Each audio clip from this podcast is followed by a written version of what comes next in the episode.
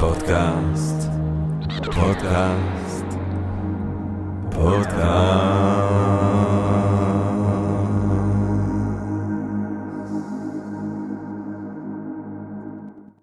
טוב, אה, גבירותיי ורבותיי, ברוכות וברוכים הבאים לפודקאסט של Think and Ring Different, פודקאסט למי שאוהב לחשוב ולשתות. אני ג'רמי פוגל ואנחנו רוצים להתחיל בהודיה. בהבעת תודה לעצם היש, לעצם היקום שמאפשר לנו למרות הכל אה, להיפגש ולהיות כאן אה, יחד, אה, להרחיב את התודעה שלנו, להעמיק את הדעת, לגרות ואולי לספק את הסקרנות ומי יודע אולי לפגוש איזשהו רעיון מעורר אה, השראה, מעורר מחשבה, מעורר משהו, מעורר משהו, מעורר חיוניות, חיוב חיים, אמירת כן לחיים.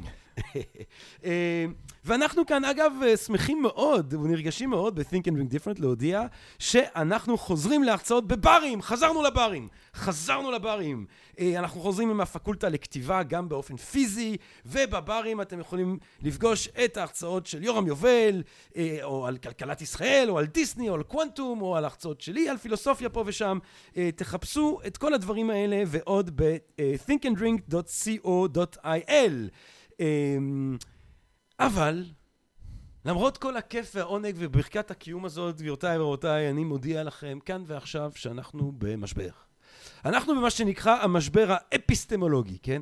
אפיסטמולוגיה, אה, תורת ההכרה, תורת הידיעה, איך אנחנו יכולים לדעת שאנחנו באמת יודעים את מה שאנחנו יודעים, מה ההבדל בין אמונה לבין ידיעה, אותן שאלות שהעסיקו כבר את אפלטון אה, אה, וממשיכות לעסוק, והמשיכו בעצם לעסוק את הפילוסופיה מאז, הפכו אני חושב ברגע הזה של ההיסטוריה והתרבות האנושית לקריטיות, כן? כי אנחנו חיים בעולם שבו בעצם ההבדל בין אמונה לבין סברה לבין ידיעה ידיעה, אה, הוא לחלוטין מטושטש אה, אה, ברשת שיש בה אינסוף מידע, שבו הדעה של, של ידיד או ידידה שלי בפייסבוק על החיסונים שווה ערך אה, לזו של אדם שהשקיע 25 שנה לחקור את הסוגיה, אה, שבו מקורות מידע מטושטשים.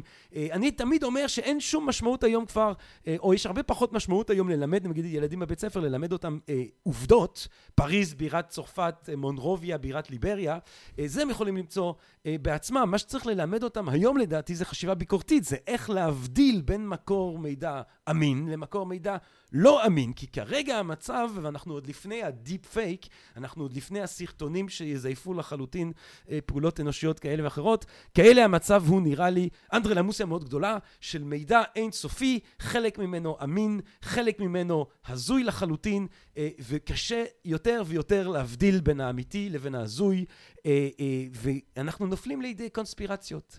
אז אנחנו בעצם היום הולכים לדבר על קונספירציות ועל אה, המשבר האפיסטמולוגי הזה, ובכלל על כל הטירוף הזה שקורה באינטרנט, ואילומינטי, וחייזרים יהודים שתוקפים את קליפורניה. ויהודים בכלל עושים הרבה דברים בקונספירציות, ומשפחת רוטשילד שממשיכה לשלוט על כולם, וביל גייטס, והפנטגון הסודי והגלוי. אה, וכולי וכולי וכולי. וכדי לדבר על כל הסיפורים ה... היי, הם כיפים, אי אפשר להגיד שהם לא כיפים. אה, אני שמח להזמין חבר בכיר באילומינטי, רפטיליאני שרגע לפני הרעיון הפך מלטאה לאדם, אה, דוקטור אדם קלין אורון, גבירותיי ורבותיי, שהוא אנתרופולוג של הדת שעוסק בחקר מצבי תודעה ואיך אנשים מאמצים מערכות אמונה ופרשנות. אמ, את הדוקטורט שלו באוניברסיטה העברית הוא כתב על תקשור בישראל, אה, וכרגע הוא חוקר במכון ון ליר בירושלים, אה, או לפחות זה מה שהוא אומר לנו אה, שהוא, וזה מה שהוא אומר לנו שהוא עושה, אבל לפחות אני אנסה לבחון את הדבר הזה עם המקור עצמו, כי הנה הוא כאן איתנו היום בערב, דוקטור אדם קלין אורון, שלום רב. שלום ג'רמי, נחמד מאוד להיות פה, אם אני באמת פה. תקשיב, אה, אדם, אה, אני אדבר איתך בצורה מאוד רצינית עכשיו. די עם הקשקשת הזאת שקשקשתי. די, מספיק. אנחנו נחתוך ישר בווריד הצוואר, ואני אשאל אותך, אה, שאלה אני חושב מתבקשת, מהי קונספירציה? או, אז זאת שאלה טובה. אבל התשובה לזה היא מסובכת, כי ככה האקדמאים אוהבים להגיד. אבל בספרות של הקונספירציה, בספרות של חקר הקונספירציה, נוהגים להגדיר קונספירציה פחות או יותר ככה. קונספירציה היא הפעולה של חבורה של אנשים מאחורי הקלעים כדי לקדם את טובתם האישית ולא את טובת הכלל. עכשיו, שים לב שזאת הגדרה מאוד מאוד ניטרלית. כן. קודם כל, היא לא אומרת שזה לא קרה. בהחלט, אם אתה יכול לדמיין בתוך ההגדרה הזאת, היו הרבה מאוד קונספירציות לאורך ההיסטוריה. אנשים שפועלו בחבורות לטובתם האישית, תוך כדי איזשהו מצג שווא שמציגים לציבור, וברקע עשו דברים לטובתם שלהם. תיאוריית קונספירציה היא הטענה שיש קונספירציה. עכשיו, גם זה, בניגוד למה שאנחנו נוטים להגיד, תיאוריית קונספירציה זה איזשהו לייבל, איזושהי תווית שאנחנו מדביקים על משהו כדי להגיד, זה לא לעניין, זה רע. אבל כולנו מאמינים בתיאוריית קונספירציה. אם תיקח דוגמה נפוצה מאוד בישראל, מחנה נתניהו טוען שבית משפט העליון וה deep state מנהלים בעצם מאחורי הקלעים איזשהו מסע של ישראל הראשונה נגד ישראל השנייה, או מסע ציד נגד נתניהו עצמו. אבל אם תלך מהכיוון ההפוך, יש טענות של השמאל בישראל, שנתניהו בעצמו למשל מפיץ חיסונים רק כדי לקדם את טובתו האישית, או שכל המטרה שלו בפוליטיקה היא רק לקדם, להתחמק ממשפט ולא לקדם את מדינת ישראל. השאלה היא לא אם הטענות האלה נכונות או לא נכונות. השאלה היא האם הטענות האלה שונות מהטענות של האנשים עצמם. נתניהו יגיד, מה פתאום? בית המשפט העליון יגיד, מה פתאום? אבל אנשים מהצד השני אומרים, הם משקרים לנו ובעצם פועלים למען האינטרסים שלהם. אז בעצם מה שאתה בא פה, אתה אומר, תראו, אה, אה, לפני שאנחנו נתייחס באמת, לקונס... כשאני אמרתי קונספירציות בצורה אה, גסה עכשיו, אני מבין, כי בכלל הייתי צריך להגיד תיאוריות קונספירציות, אבל בכלל הייתי צריך לדייק ו- ול- ולומר תיאוריות קונספירציות הזויות, חייזריות, מוזרות, משונות, ש- שתיארתי, כי בעצם מה שאתה אומר, זה שיש קונספירציות. כל פעם שקבוצה קטנה של אנשים דואגים לאינטרס שלהם תוך כדי מצג שווא של אינטרס כללי יותר, יש קונספירציה, וחלק מהתיאוריות הקונספירציה הם אמיתיות, אה, עובדתיות ותקפות. זאת אומרת, זה לא צריך להיות קללה. להגיד על משהו תיאוריית קונספירציה, אה, אה, אם אנחנו בתחילת הרעיון, אני מבין עכשיו שזה לא בהכרח דבר שהופך אותה להזוי. כי יש, היו קונספירציות, וכל תיאוריה שמציינת אותה היא תיאוריה קונספירציות. אז, אבל אולי מה, אז אולי אני אשאל אותך, איך היית מאפיין את הדבר הזה שכן התכוונתי לדבר עליו? כן, אני מבין לגמרי מה אתה אומר. כן. אני, מה שאני עושה זה אני מרחיב קצת את היריעה. כן. ואני אגיד עוד מילה על היריעה הרחבה הזאת לפני שאני עונה לשאלה שלך. המילה היא שאמונה בתיאוריות קונספירציה, ויש אנשים שיגידו גם קונספירציות, אבל אמונה בתיאוריות קונספירציה היא מניע פוליטי מרכזי לאורך ההיסטוריה. בעיקר, אגב, אני לא היסטוריון, אני לא מאוד בקיא בזה, אבל בעיקר בארצות הברית. מדינה חובבת תיאוריות קונספירציה מיום היווסדה. ב... אה, מגילת העצמאות האמריקאית, ב-Declaration of Independence, מוצגת תיאוריית קונספירציה, שאומרת שהמלך בעצם מנסה לקחת מהם את הזכויות, והם חייבים להגיב על זה, והמלך לא ניסה לקחת מהם את הזכויות, הוא רצה להעלות מיסים או לא להעלות מיסים, אבל זאת, זה היה אחד, לא המרכזי, אבל אחד המניעים למהפכה האמריקאית. יש הרבה דוגמאות כאלה לאורך ההיסטוריה, שתיאוריות קונספירציה ממש היו מניע פוליטי, איזשהו driver, אה, שמייצר מוטיבציה אצל אנשים. לא קשה לדמיין למה, אתה אומר שיש קבוצה מרושעת של אנשים שמנסה לפגוע בך, זה מגייס אנשים לפעולה. אבל אם נחזור לשאלה שלך, מה בעצם בין זה לבין תיאוריות הקונספירציה הרחבות יותר, שכשאנחנו חושבים עליהן, כשאנחנו אומרים בדרך כלל תיאוריות קונספירציה. אני חושב שיש שני דברים מרכזיים שמבחינים בין תיאוריות קונספירציה כלליות לבין נגיד שחייזרים הם עם מסכות הם אלה שבעצם מנהלים את העולם. הדבר הראשון זה המרחק בין זה לבין אמונות נפוצות. זאת אומרת, עד כמה כשתספר את זה לאנשים הם יגלגלו עיניים מולך. אה, זה לא הדבר היחיד, אבל בכל זאת, אם תגיד, אה, יש ווקינס, אה, אם אתה מכיר את המושג, יש חייזרים בעולם שנכנסו לתוך גוף של בני אדם ומסתובבים בינינו, והם נראים כמו אנשים, אבל הם לא אנשים, אז ברוב האנשים יגלגלו מולך עיניים. זה מידת המוזרות. אבל העניין השני שהוא משמעותי יותר בעיניי, הוא עד כמה השקפת העולם הכללית שלך היא קונספירטיבית. ופה אני נהיה אנתרופולוג. Mm. אני לא חוקר רעיונות, אני חוקר את החיים של רעיונות אצל בני אדם. Mm. והשאלה זה עד כמה עולם הרעיונות שאדם מכיל בתוך הראש שלו, מכילה את המרחקים האלה. מהשקפת העולם הכללית. עד כמה כל התיאוריות שלו לגבי העולם הן תיאוריות קונספירטיביות. Mm. ועד כמה הדברים האלה רחוקים בצורה ניכרת ממה שנמצא בבח... מ... אצל אנשים אחרים. ועד כמה הם טוטאליים. אז זה עניין נורמטיבי בעצם. זה עניין נורמטיבי במידת מה, אני חושב שאפילו במידה רבה, אבל מעבר להיותו עניין אה, אה, נורמטיבי, זה... עד כמה זה מנתק אותך מהעולם הנורמטיבי, ואז זה כמעט נהיה עניין של אה, אה, פרקסיס ולא עניין של דוגמה. Mm. זאת אומרת, עד כמה אתה מסתובב בעולם ומסתכל מסביבך ואתה פשוט לא יכול להאמין לשום דבר שנאמר לך, כי אתה יודע שהכל הוא לא מה שהוא נראה. Mm. זה מייצר ממש צורת פעולה אחרת בעולם, mm. וצורת התנהלות שונה בשביל אנשים ואם, מסוימים. אז אם זה המצב, אז האם הממצאים האנתרופולוגיים הם שאנשים באמת... כאילו נופלים לרביט הול, זאת אומרת, אתה נכנס ואז הולך וזה מקצין וזה מקצין, כי זה נשמע קצת כמו מעגל uh, קסמים, מה שאתה מתאר. זה נכון, זה נכון, זאת הבחנה מאוד נכונה, אבל זה תלוי בתיאוריה. וחוץ מזה, זה גם עניין של phases. אתה יכול להיות חזק מאוד בתוך זה תקופה מסוימת, ואחר כך לצאת החוצה, כן. אבל זה תלוי בתיאוריה. אני, ספציפית, המחקר הנוכחי שלי, הוא לא על קונספירציות באופן כללי. אנתרופולוגים לא נוטים לחקור דברים כל כך רחבים, כי הם, הם חוקרים אנשים, ואתה... לא כמו סוציולוגים שקוראים מידע ממאות אנשים, אנחנו מראיינים בני אדם כשאנחנו יכולים, או ממש חיים בקרבם, אה, שזה פחות רלוונטי, אני חושב, במקרה הזה. אה, אני חוקר אנשים שמאמינים שהעולם שטוח. המחקר שלי הם על flat earthers. flat earthers, baby. נכון, בדיוק. עכשיו, שפה כמובן, חלק מהמאזינים שלנו עכשיו בדיוק בשלב שתיארתי קודם של גלגול עיניים. זאת אומרת, זה רחוק מאוד, אומרים, אוקיי. אבל אחד הדברים המעניינים אה, באנשים שמאמינים בפלאט ארזרס, זה שמרגע שאתה מקבל את ההנחה... בואו, רק אולי נגיד למי שלא... נתאר את ההנחה. יאללה, בוא ניכנס, בוא ניכנס לפלאט ארת'רס. מה אומרים הפלאט ארת'רס? מה הם אומרים? הם אומרים שהעולם הוא בעצם שטוח. כן. העולם הוא לא... זה הולך... הסיסמה שלהם היא ככה, העולם שטוח ולא בתנועה. זאת אומרת, העולם הוא, יש להם תיאוריות שונות, אבל רובם מאמינים שהוא מה שהיינו קוראים לו דיסקית או מטבע, מכוסה בכיפה. אנחנו לא יודעים מה יש מעבר לכיפה. אנחנו לא יודעים. לא היינו שם אף לא פעם. היינו. לא, לא היינו שם אף פעם.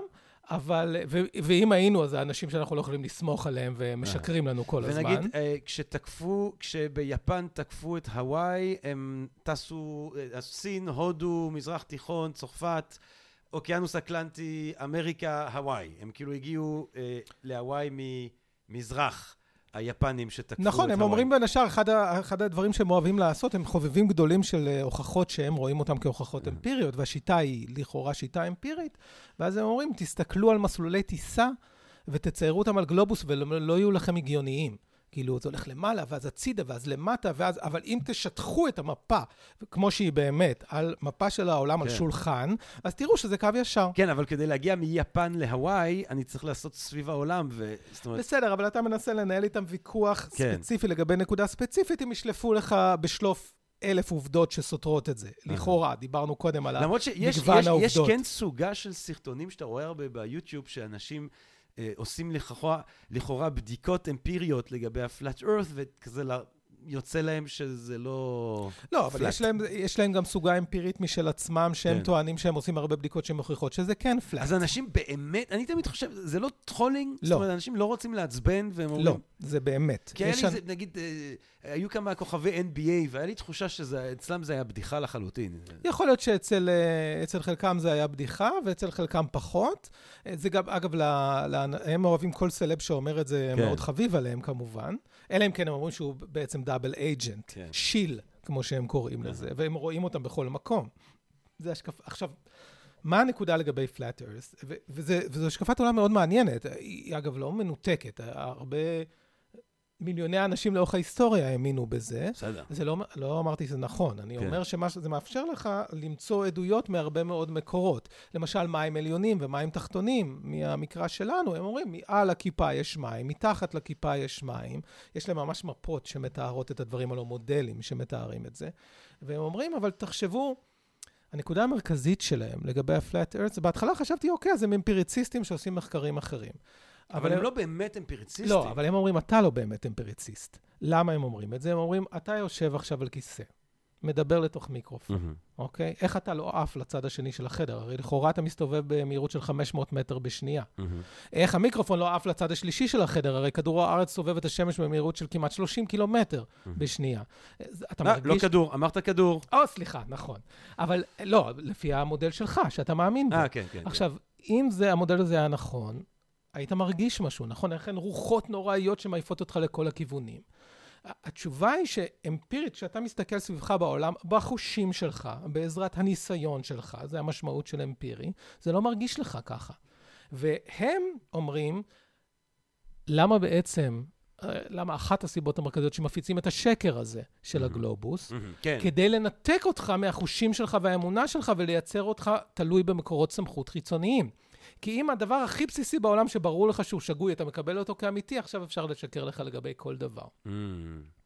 עכשיו, אה, זה קשור גם לאמונה דתית? זה, אם אמרת מקחה, זה, יש קורלציה בין נגיד אה, נצחות אדוקה לבין אה, flat earthing, או, או לא בהכרח? אה, יש לך שאלות טובות, אתה צריך לעשות פודקאסט. אבל uh, התשובה היא שאצל רבים מהם זה קשור. קודם כל, רובם, לא כולם, אבל רובם גם בארץ, רובם באים מרקע חילוני, ורובם בארץ מאמינים... אה, יש בארץ uh, flat earthers? בטח, אני חוקר אותם בארץ. ערב טוב, אולי הם מאזינים לנו. חוקר אנשים מקומיים. איך, מה, איך קוראים לזה בעברית? בעברית קוראים לזה העולם השטוח. העולם השטוח. כן. טוב, אני אשמח, אגב, אם יש עולם אה, שטחון, אני לא יודע איך לקרוא לבן אדם שמה... flat earther. שטוחיסטים. שטוחיסטים. הם קוראים לעצמם שטוחיסטים. שטוחיסטים, אם אתם שומעים, אה, ערב טוב, שטוחיסטים. אה, תשלחו לי איזה הודעה וזה, אני, אולי אדם מחפש, אתה בטח רוצה לדבר קצת עם שטוחיסטים. אני תמיד שמח לראיין עוד, אבל אני, אני בכל מקרה... יש לך מספיק. יש, כמה יש? תמיד ש- אני חושב גם כמה, כמה כבר יש. אני לא יודע בדיוק כמה כן. יש, בין השאר הם לא, הם לא, הם לא. מאוד אוהבים שמסתכלים עליהם, כי הם. הם חושבים שבכל מקרה כולם עושים את זה כל הזמן. היה לא פשוט לעשות מה שנקרא כניסה לשדה, כן. אה, אנתרופולוגים, כי הם לא רצו שיחקרו אותם, עד שמצאתי כמה שדווקא היו שמחים.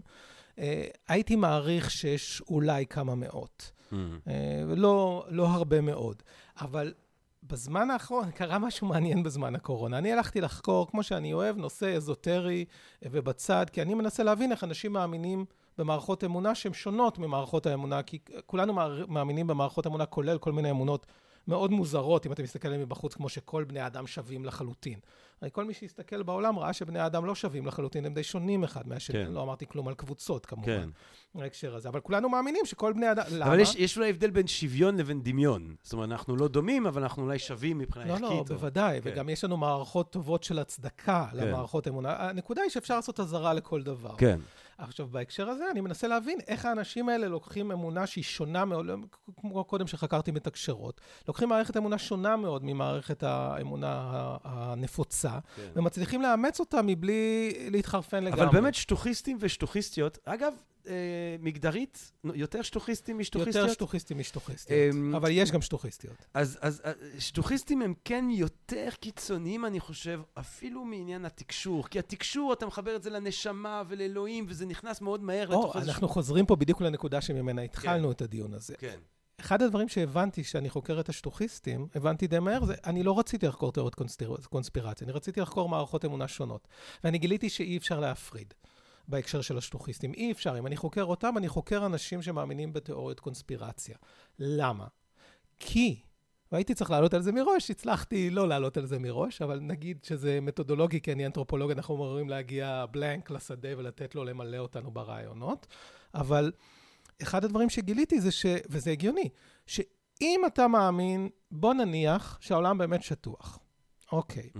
עכשיו, זה אומר שכמות המערכות וכמות המדינות וכמות האנשים שמעורבים בהונאה הזאת היא בלתי נתפסת ענקית, ממש. כן, בלתי נתפסת. כן, מערכת החינוך, כן, מערכת הוראת המדע, כן, כל משרדי הממשלה, כן, כל מדינות העולם, כן.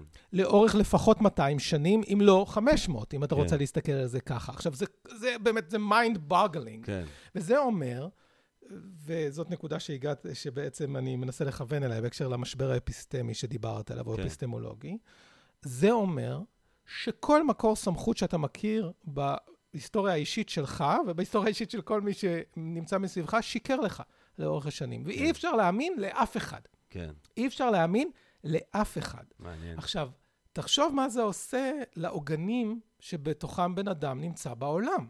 אנחנו כן. חייבים מקורות סמכות מסביבנו שיגידו לנו אבל דברים. אתה יודע מה, אדם, אני אגיד לך משהו. יש לי תיאוריה על, אה, קונספיר... על תיאוריות קונספירציות, שתמיד מהמם. אני אוהב להגיד, זה שאנשים מעדיפים אבא רע על זה שאין אבא. זאת אומרת, אני חשבתי על זה במובן של 9-11, אני רוצה לחזור ל-9-11 אחר כך, אבל זאת אומרת, אני מעדיף לחשוב שיש איזשהו אבא רע, איזשהו ארגון שמארגן את הכל ושולט את הכל ומשליט איזשהו סדר, ואני נלחם בו, מאשר לקבל את המצב שבו העולם הוא כאוטי ו-16 ילדים מערב סעודית יכולים לשנות את ההיסטוריה וכולי וכולי וכולי. זאת אומרת, אני לא יודע אם... זה, זה, זאת אומרת, אני, המקור סמכות שמשקר לי 200 שנה, הוא יותר סמכותי ממדענים פה, זאת אומרת, לא, אני... מה שאתה אומר זה שבעצם הם מעדיפים לחיות בעולם שבו... אני עושה פסיכואנליזה של כן, כן, אני מבין, אני מבין. אבל מה שאתה אומר זה שהם מעדיפים לחיות בעולם שיש לו משמעות, גם אם המשמעות הזאת היא מאוד שלילית. כן, כן. אני חושב שאולי, א', אני לא פסיכולוג, אני כן. מקבל את ההסברים האלה, אבל כן. אני מנסה להבין איך אתה, איך מערכות אמונה מחלחלות עליך, כן. לא איך הן מספקות אותך. זאת אומרת, ברגע שאכלת את השטוכיסטיות, אתה... בדיוק, הכל אז הלך. הכל, זה כאילו, זה, אתה נמצא בתוך, אה, במרכז של מעגלים קונצנטריים, בואו לא נגיד על גלובוס, אלא על גבי שולחן, אבל מעגלים קונצנטריים עצומים של קונספירציות. אבל בהקשר למה שאתה אמרת, חשוב לזכור שזה לא, זה מקנה להם תחושת מטרה, במידה מסוימת. אבל מה שזה לא מקנה להם זה שלווה. כי קודם כל, העולם כל הזמן מפציץ אותך בעוד מידע, וכל הזמן נוצרות עוד תיאוריות, ואתה צריך גם להוכיח אותם כל הזמן, ואתה עובד מאוד קשה. וב', הם הרבה פעמים מתחלקים לפקשנס, זאת אומרת לאיזשהם כיתות. אחד לא מסכים עם השני, שלא מסכים עם השלישי. שאלת אותי קודם, אני לא מתחמק מהשאלה, עד כמה הם מה שאפשר לקרוא לו דתיים. עכשיו, כמעט כולם דתיים במידת מה, הם אומרים, בסדר, המודל הזה הוא לא מודל שיש בו אבולוציה, ושיש בו גרביטציה, ושיש בו אה, מערכות של אבק סולארי, למה שלא יהיה אבולוציה? דבר... מה זה משנה? אמ, כי... שיהיה אבולוציה, על השטוף. לא, אתה צודק לכאורה, אבל מה שנקרא, דיברת על down the rabbit hole, כמעט כולם מאמינים שההיסטוריה הקיימת היא לא, ההיסטוריה שאנחנו מכירים היא לא ההיסטוריה הנכונה, והעולם בעצם הרבה הרבה פחות עתיק ממה שאנחנו חושבים. אה, מדובר על כמה אלפי שנים. במק... אצל, אבל, אצל לא רבים מהם פחות. האמפיר... טוב, אבל עם שיא האמפיריציזם שלהם, הם לא יכולים לממן מישהו שהם סומכים עליו שייקח ספינה ויבדוק מה קורה בקצה נגיד, של כדור הארץ? נגיד יטוס לאנטארקטיקה, אה, לא סליחה, לא יטוס, אלא אה, יפליג לאנטארקטיקה. להפליג או... זה חלום שיש לשטוחיסטים הרבה זמן, הם אומרים, הם אומרים, אנחנו לא יכולים. יש אמנת אנטארקטיקה שאוסרת אבל הם לא צריכים אנטארקטיקה, הם יכולים פשוט לבחור כיוון וללכת עד הסוף. שילכו לכיוון ארגנטינה ו... שמעת לפני כמה חודשים על ה... אה, היה לו שם אקזוטי, אבל איזשהו אמריקאי שבנה בעצמו מטוס שמונע בקיטור, זאת אומרת בפיצוץ כזה של קיטור, yeah. אה. והוא היה עושה את זה כמה שנים, והמטרה שלו הייתה להגיע בסופו של דבר לכיפה. כן. הוא התרסק ומת אוי. לפני, אבל ברור לך שאחת משתי אפשרויות, או שהרגו אותו כדי שלא יגלה את האמת, או שהוא היה בעצם שיל והוא הלך והסתתר באיזה מקום אחר, זאת אה. אומרת בוגד, שעובד עם אחרים. אבל אם לחזור לנקודה הקודמת שלך, רבים מהשטוכיסטים באמת מאמצים מערכות אמונה אחר כך, מערכות אמונה דתיות. למשל, חלקם נהיים אה, סוג של מה שאפשר לקרוא לו משיחיסטים. זאת אומרת, הם מאמינים בישוע. אה, בווריאציה מסוימת של הנצרות. הם לא יאהבו את הביטוי הזה, הנצרות, כי הנצרות זה דת ממוסדת, וברור בשביל הדת ממוסדת היא עובדת, והאפיפיור הוא אחד האנשים הכי מרושעים בעולם, לפי התפיסה שלהם. זה פחות או יותר האפיפיור, מלכת אנגליה, רוטשילד וביל גייטס. כן. זה פחות או יותר האנשים הכי מרושעים בעולם, בהקשר הזה. Axis of Evil. כן, כן, ולא חסר, יש לך כן. הרבה מאוד axis of evil. כן. אז חלקם הם אנשים דתיים ממש, ולמה? אני אשאל את השאלה, מי מרוויח? בוא, מי מרוויח מהדבר הזה? אז נתנו כבר הסבר אחד. הסבר אחד אומר, אנחנו בעצם מייצרים, זה בעצם מלחמת תודעה. אנחנו מייצרים שקר כל כך גדול וכל כך counter intuitive, שונה מהאינטואיציה שלך ומה שהחושים שלך מספרים. אתה מסתכל על האופק, הוא נראה לך עגול.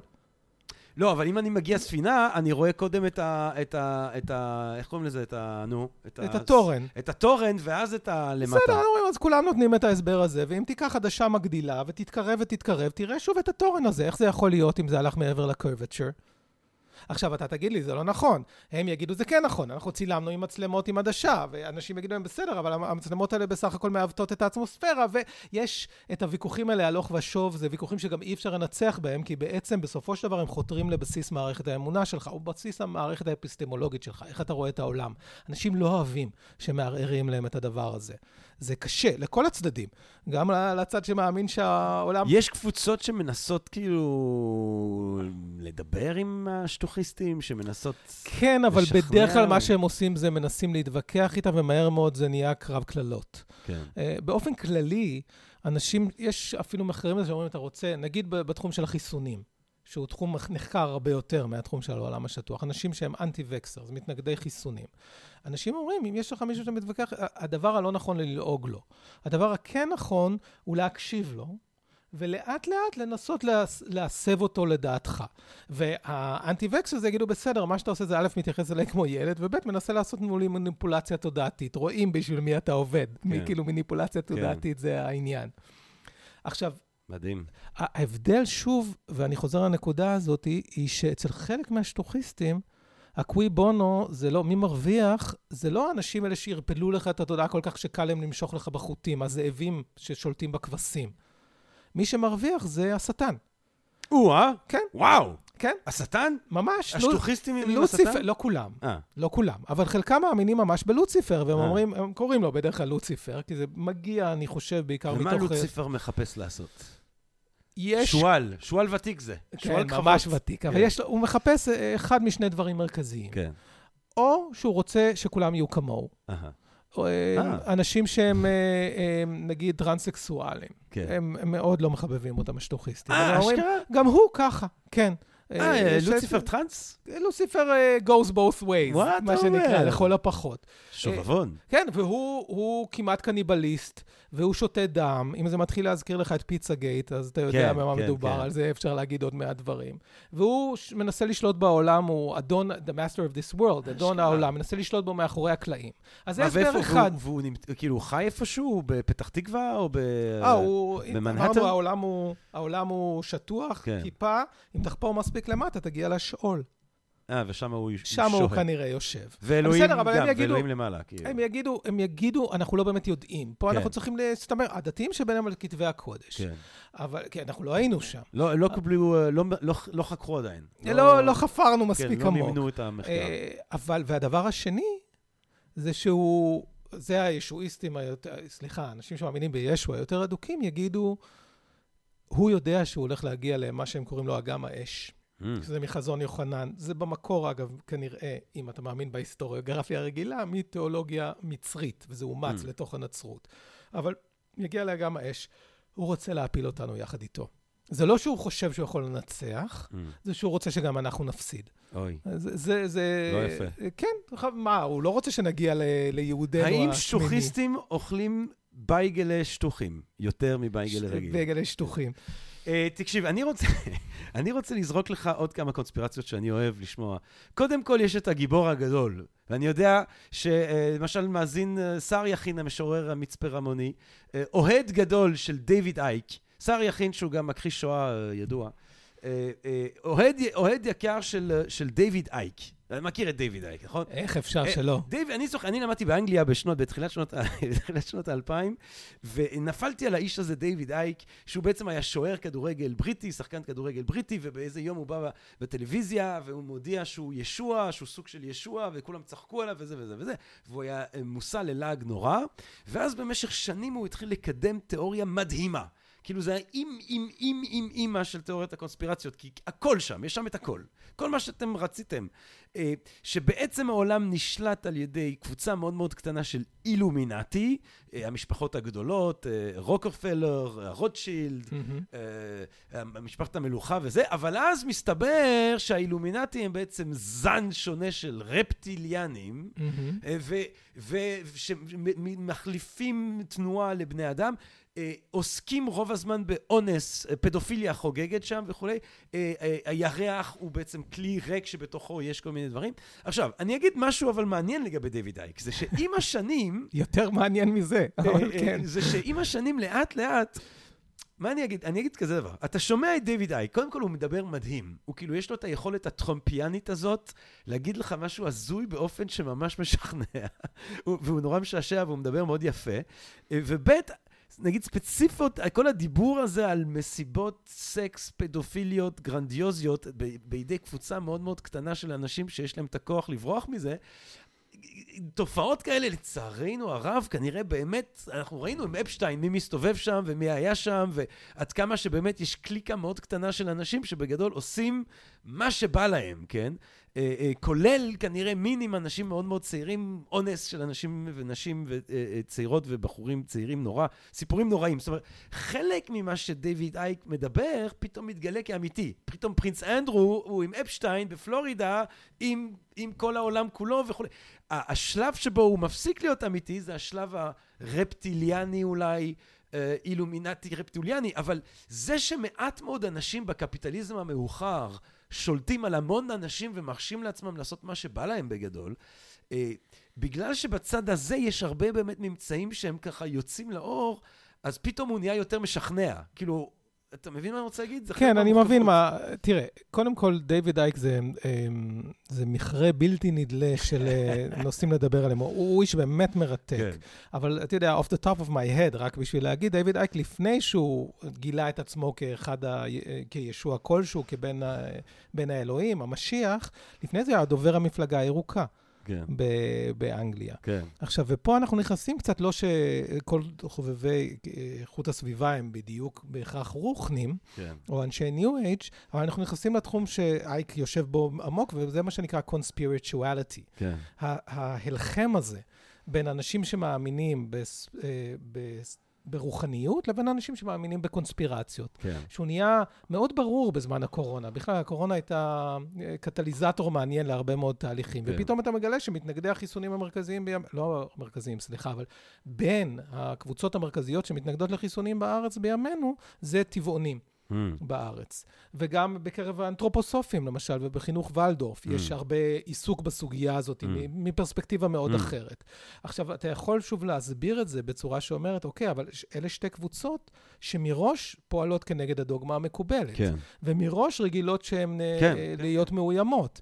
ומראש גם יש להם עניין מאוד בגוף ובשלימות שלו. ויש חשדנות. זאת אומרת, אני טבעוני למשל, יש חשדנות אה, אה, בקרב קבוצות מסוימות חש... בעיניי לפחות, חשדנות מוצדקת כלפי האינטרסים של המנגנונים הקפיטליסטיים הגדולים. נכון. ואז השאלה היא איפה אתה עוצר. נכון, בדיוק השאלה היא איפה אתה עוצר. למשל, אם הייתי רוצה, הייתי יכול, ואם הייתי משקיע בזה זמן, הייתי יכול להגיד, בסדר, אבל נתת לי שתי דוגמאות של אנשים שאחד מהם יודעים שהיה מעורב בפדופיליה, שזה אפשטיין. Mm-hmm. אה, וגם אז זה סוג מסוים של פדופיליה, בטח לא כמו בתיאוריות של פיצה גייט, אבל לא משנה, זה בטח לא היה טוב. ועוד הרבה אנשים שיכולים לטעון, כמו שהנסיך אנדרו טוען, שהם לא ידעו שום דבר, הם רק היה להם נחמד לטוס לאיש כן, שלו וכולי. כן. אבל מהדוגמה הזאת אתה עושה אקסטרפולציה שאומרת, יכול להיות שיש משהו במה שאייק אומר. כן. עכשיו, אני לא אומר שזה לא נכון. Mm-hmm. מה שאני אומר זה שאלה שאיזה... ואנשים לא, ככה אני, מאמינים... אני, אני חס וחס לא רוצה להצדיק לא, לא, את הדברים של לא, אבל אני אומר שבאופן כן. כללי אנשים מאמינים בדברים כי הם מסתדרים להם בתוך רשתות של משמעות, כן. או כי הם מתאימים ל, לאינטרסים שונים שהם מאמינים, וזה נכון לגבי כולם, גם אנחנו מאמינים שבגלובוס, או מאמינים בחיסון, או מאמינים... אז פתאום בארץ נהיה כמעט היפוך, אגב, של המצב בארצות הברית, שבארצות הברית כל הטראמפיסטים התנגדו לחיסון ולקורונה ואמרו שזה הכל שקר, ובארץ, איכשהו דווקא קבוצות בשמאל התחילו להתנגד לחיסון ולטעון כן. שזה קונספירציה בגלל ההיפוך הפוליטי. אני, אני חושב חושב שזה טיפה יותר מורכב, כי אני חושב שבארץ יש קבוצות בשמאל, יש את הקבוצות על טבע וטבעונית וה-new age שהן יותר ככה בשמאל. אני חושב שיש גם קבוצות בימין ובעולם, ה, ו, ו, ו, ובעולם החרדי שמתנגדים נכון, חיסונים. נכון. אני חושב שאבל אותה קבוצה, גם בארצות הברית, אתה תמצא הרבה אנשים בקרב ניו אייג', נכון. שגם הם מתנגדי חיסונים, הם פשוט עושים פחות רעש אולי מהטרמפיסטים. לא, זה נכון, ובטח גם, אתה יודע, כל אחד מגויס למחנה ואחר כך נפרד ממנו כשהאינטרסים נהיים פחות לוהטים. טראמפ הוא פחות אישו בימינו בארצות הברית משהו היה לפני כמה חודשים, מסיבות כן. ברורות. אה, נתניהו עדיין מאוד אישו בישראל, וכנראה יהיה עוד אה, תקופה די ארוכה, אבל בהקשר הזה. אבל זה לא, זה לא מה שניסיתי להגיד. אה, מה שניסיתי להגיד זה שלפעמים יש איזה שהם... קונסטלציות, קונסטלציות גם פוליטיות, אבל בעיקר תרבותיות ואישיות, ש, שאנשים מרחפים סביב תיאור, ורוב האנשים אגב, אפילו, ניקח דוגמה שהיא יותר נפוצה בתקופת הקורונה, הסוגיה לגבי החיסון. מה החיסון עושה? האם זה בעצם דרכו של ביל גייטס להשתיל בנו צ'יפים אלקטרוניים, או להכין אותנו ל-5G של הסלולרי שיגיע בקרוב, ואז או יגרום לנו שליטה מוחית ויהפוך אותנו לעבדים, או יהרוג 80% מהאנושות במסגרת אג'נדה 21 של האו"ם, שהיא נראית כמו משהו לסביבה, אבל זה בעצם אג'נדה לחיסול של האנושות, חוץ מאשר כמה שיישארו במחנות שמהם אה, יוציאו מהם דם. זה נשמע די קיצוני. כן. עכשיו, דיוויד אייק מאמין בגרסה השנייה, כן, היותר דיוויד, קיצונית של, דיוויד. של הדבר הזה. דיוויד לא מפספס אף אחד. לא. הוא, אתה, אתה זורק לו איזה סיפור, אוכל, אוכל, אוכל. נכון, אבל אייק עושה שני דברים מעניינים בהקשר היותר רחב. הדבר הראשון זה שהוא הכניס פנימה את, ה... את הרפטליאנס. הרפטיליאנס. כן, ואני בקבוצות שאני מסתובב בהן בטלגרם ובמקומות אחרים של, ה... של האנשים שמאמינים בקונספירציות, כן. נפות פעם ב-48 שעות מישהו ישלח שם תמונה שמראה עד כמה הנסיך פיליפ, כן, אה, דומה העיניים לרפטילי. שלו בעצם הם עיניים של לטאה. ואחרים יגידו, טוב, אתה סתם מוזיל את ה... אבל חלקם יגידו, "מ, יכול להיות שיש בזה משהו, כן. וזה באמת מאוד קיצוני. אבל מה מעניין יותר בתיאוריה הזאת של הרפטיליאנים? שהוא לפעמים קורא להם ארקונס.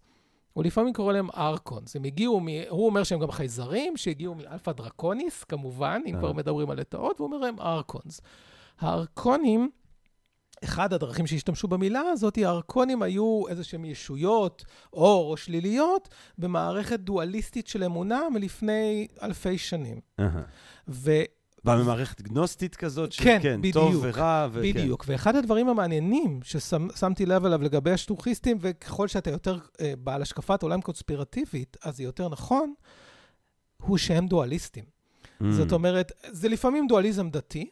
ולפעמים זה דואליזם חילוני בואו רק יותר. נבהיר- נבהיר שדואליזם והדתות הגנוסיות במקור, זאת אומרת, אם יש מונותאיזם, יש אל טוב, ואומנם יש שטן, אבל השטן הוא בעצם כפוף בסוף גם הוא לאלוהים.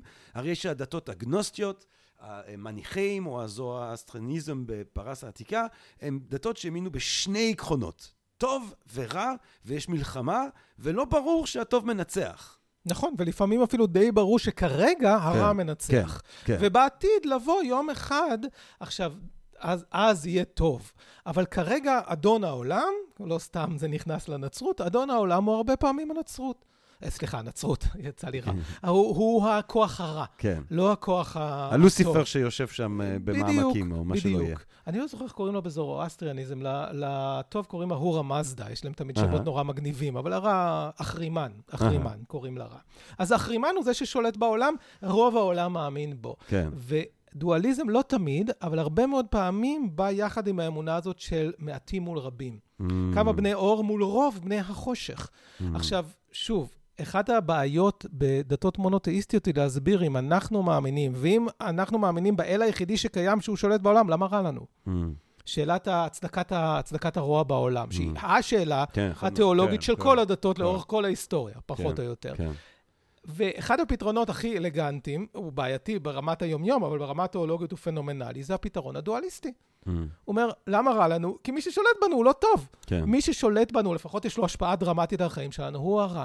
דיוויד אייק הוא דואליסט. כן. הוא לגמרי דואליסט. כן. מי ששולט ברוב הדברים בעולם, הם לא הכוחות הטוב, הם כוחות הרוע. Mm. עכשיו, תשאל כל קונספירטור, מספיק קונספירטור, שמאמין במספיק תיאוריות כאלה, והוא יגיד לך, ברור, ברור.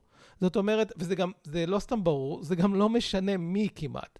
הוא יגיד, האנשים האלה שהולכים לבלפור להפגין, הם לא מבינים שמשחקים להם במוח. זה mind games. Mm. זה, זה מה שנקרא false flag operation. אה, זה, זה אה, דגל כוזב שנועד להסיט את תשומת הלב מהמלחמות האמיתיות. Mm. הרי בנימין נתניהו, ברור שהוא שייך להם. Mm. לאילומינטי, לפרי מייסונס, לבונים החופשיים, איך שתרצה, למסונים, איך שלא תרצה לקרוא להם. לרוטשילדים, ליהודים, אצל היהודים, חלקם. כי ב- זה גם אבל עניין. גם, אבל גם גנץ. וגם מרץ. Mm. כל המערכת הפוליטית שלהם. ואז עם כל המערכת הפוליטית שלהם, ברור שהכוח הוא בידיים שלהם. ולכן התפיסה שלהם היא דואליסטית, ואייק מדגים את זה, אני חושב, יפה. אה, אנטישמיות. אחד מהקונספירציות הפופולריות מאז ומעולם זה שהיהודים מחזיקים קבל קטנה של כוח ששולט על העולם הרבה מעבר ליכולתם. אנחנו כמובן זוכרים את, uh, את הנאצים, אבל זה קדם לנאצים במאות, אם לא אפילו אלפי שנים, באיזה, פה ושם. אני לא יודע אם אלפי, אבל לפחות מאות שנים של לא, יש תפיסה. אנטישמיות אלפי שנים. יש אנטישמיות לא- אלפי שנים, אבל היא לא כולה בדיוק בהכרח. קונספירטיבית, כן. נכון. כאילו, אה, אתה קורא, אתה, אתה רואה כבר ששונאים את היהודים אה, אה, היסטוריוגרפים יוונים ורומאים של עוד קדמו לנצחות. אבל מסיבותיהם הם, ולא בהכרח אה, קונספירציה שהיהודים אה, אה, מסכנים את העולם, הולכים לשלוט את העולם בזקני ציון, נו, פרוטוקולים. הפרוטוקולים של זקני ציון, משפחת רוטשילד חוגגת, כן? שזה אגב, באמת משפחה מרתקת. נכון. זאת אומרת, זו שאלה שאסור קצת לשאול אותה, מרוב שיש אנטישמיות. אה, כמו שמעתי פעם מישהו אומר שהיטלר נתן שם רע לאנטישמיות. כן. אבל אה, לא, זה, הוא בעצמו היה אנטישמי לא קטן, זה שאמר את זה. לא שר יכין, חס וחס. אבל אה, מה, מה שרציתי לומר זה שהרוטשילדים זה באמת תופעה מדהימה, שבו יש את המאיר רוטשילד הזה במאה ה-18 נראה לי, מת מתישהו בתחילת אה, המאה ה-19, גודל בגטו של פרנקפורט, מבין את מערכות, ה... יש לו איזושהי תובנה גאונית של איך עובד מערכות פיננסיות, מלמד את הילדים שלו, שולח כל אחד מהילדים לבירה אחרת באירופה, יוצר 200 שנה לפני הזמן שלו את ה-first international uh, conglomerate של פייננס, עושה מה... עושים דברים מדהימים על, ה, על השווקים, באמת כי היה להם ידע, פיתחו ידע, שלא, שקדם לשאר האנשים. עכשיו כבר כולם עושים את השטיקים ואת הטריקים האלה, אבל זה כן משפחה שאספה המון כסף. זאת אומרת, אנחנו לא יודעים מהמם. בדיוק כמה הכסף של המשפחה הזאת, אבל מספיק שאתה רואה מה הם תורמים, הם תורמים ארמונות עם אוצרות שאין להם מחיר. אז זה כן משפחה עם המון המון המון המון המון כסף, זה הופך אותם, והם יהודים, זה הופך אותם למועמדים מושלמים לתורת uh, קונספירציות, מן הסתם. בהחלט. עכשיו, אם אתה... אה, יש פה שני ענפים, אפשר להגיד. חלק מהאנשים שמאמינים בתיאוריות קונספירציה, הם אנשים שהם הם הם אנטישמים במובן הכמעט פשוט של המילה. זאת אומרת, הם יגידו, היהודים שולטים בעולם.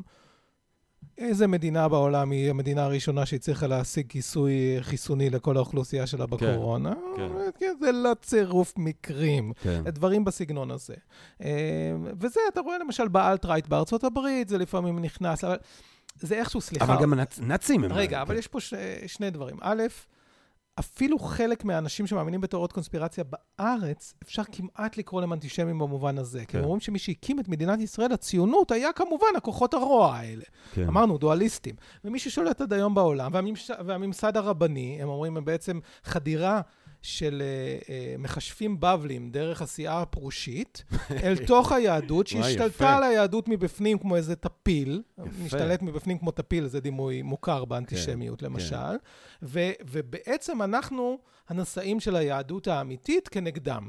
אה, אז, אז אלה תפיסות שהן... שהן אנטישמיות, הן לפחות מהדהדות מסורות אנטישמיות בצורה מאוד ברורה. והן ממש אומרות, היהודים הם, או זרמים בתוך היהדות, הם מסוכנים, הם שולטים, הם איומים, הם רוטשילדים וכולי.